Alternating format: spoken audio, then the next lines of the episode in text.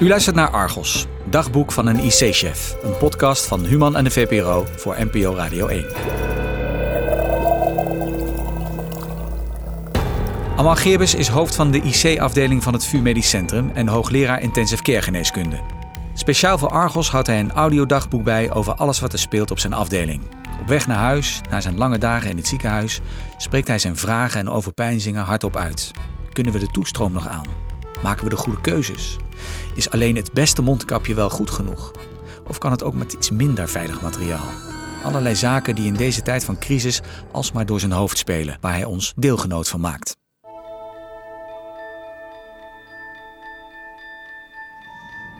Vandaag is het uh, zondag. Ik rijd nu naar huis. Ik dacht er net nog dat het 4 uur was, maar ik was vergeten dat de zomertijd ingegaan is. Het is dus 5 uur. Het, uh, ja, het gaat allemaal gewoon achter elkaar door. Nog meer patiënten zijn er opgenomen. Gaat nog verder met opschalen. Nog meer IC-bedden creëren. Nog meer medewerkers die uh, ingewerkt moeten worden. Spoedcursus volgen. Maar betekent ook dat we met hetzelfde team van uh, artsen en IC-verpleegkundigen uiteindelijk toch voor meer patiënten zullen moeten zorgen. En dat zijn natuurlijk totaal nieuwe situaties die ontstaan. En een van de problemen is hoe bereik je nou iedereen uh, goed? Hoe kan je iedereen zo goed mogelijk uitleg geven? Iets wat ik heel graag doe is altijd makkelijk de IC oplopen, ook als ik niet direct voor een patiënt hoef te zorgen. Om mensen te spreken, mee te kijken naar de patiënten, meedenken. Vraag hoe het met mensen gaat. Maar dat wil natuurlijk nu allemaal niet zo makkelijk, want dan moet ik de maskers uh, gebruiken en uh, de hele beschermingsmaatregelen. En dat is op zichzelf niet zo erg.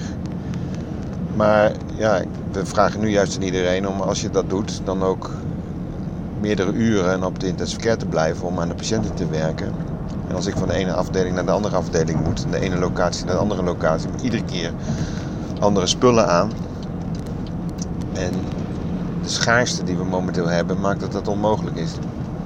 Maar goed, met deze dingen word je creatief en ik loop vast een beetje achter. Maar een van de dingen die ik nu dan uh, doe is uh, instructievideo's maken. Oh, ik zie dat het een enorme file is. Dat is ook niet uh, prettig op dit moment.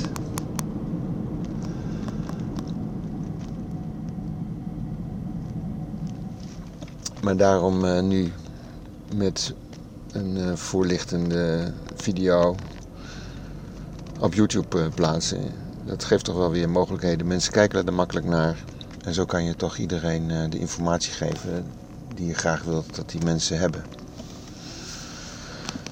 Nou, wat wel leuk was, was toen ik het ziekenhuis uitging, toen zag ik in een kamertje zag ik de hoogleraar pijnbestrijding en een neurochirurg uitgebreid uh, telefoneren met uh, familie van de COVID-19 patiënten. Om uitleg te geven hoe het is. En dat neemt ons natuurlijk enorm veel werk uit handen. En ja, dat is ook weer mooi om te zien. Ik kreeg net een berichtje van een collega die ik van vroeger ken, anesthesiologe, die normaal in een kliniek werkt en die nu aanbiedt om te komen helpen op de intensive care. Nou, dat zijn natuurlijk de dingen waar je weer een vrolijk moment uh, van hebt. Nou, nu ik hier zo in de file sta, vind ik het wel jammer dat ik geen voorrangsticker heb uh, om uh, iedereen voorbij te mogen rijden, moet ik eerlijk toegeven. Zou misschien nog een tip voor de politie zijn om ons enige privileges te geven. Als je overal voorbij wil rijden, dan krijg je meestal de meest wilde gebaren van mensen. En ze weten natuurlijk niet wat de situatie is voor de individuele automobilist. Ja, wat doorgaat is uh, weer iemand van uh, ons team die uh, positief getest is. Betekent ja, iemand minder in de staf. Betekent meer zorgen over je medewerkers. Je maatje. Want dat zijn ook maatjes waar we het over hebben. Nou, moet even goed opletten, want er wordt allemaal heel wild gereden. En het laatste waar ik nu zin in heb, dat is een botsing. Dat gaat mij te veel tijd kosten. Ik kan echt helemaal niks verder bij gebruiken. Ik geloof dat zo de file weer even gehad hebben. Ja, en wat ook speelt, is dat we gisteren te horen kregen dat er onveilige maskers waren uh, bezorgd. Vanuit een onveilige zending.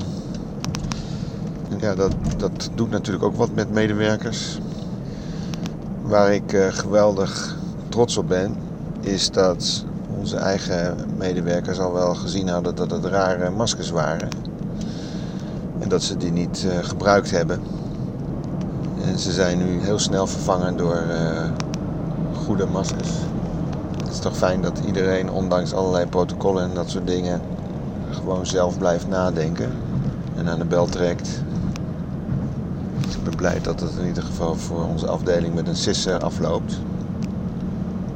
Maar dit soort zaken draagt natuurlijk enorm bij aan het vergroten van de onzekerheid die er bij iedereen is. Ja, wat ook raar is, ik spreek natuurlijk ook uh, collega's van andere afdelingen. Ja, en heel veel daarvan die hebben het gewoon enorm rustig. Niet dat ze daar blij mee zijn, maar het contrast voelt wel als heel erg groot. Want ik kan nou alles behalve zeggen dat het uh, rustig is. En waar ik nu veel over nadenk is van nou, hoe gaan we dit met z'n allen uh, volhouden de komende tijd. Er waren al een paar belangstellenden die vroegen van uh, nou en hoe gaat het als jij uh, ziek wordt? Wie gaat jou dan vervangen? Nou, nu is het zo dat we, we doen het toch heel erg met z'n allen. maar er is wel een heel belangrijk trio bij ons op de IC. bestaan uit verpleegkundige hoofd, plaatsvervangend hoofd van de IC, Hans en ik. En dat voelt wel als hele goede maatjes. Maar wij, ja, wij zullen goed moeten nadenken over hoe wij, om wat voor reden dan ook, vervangen kunnen worden.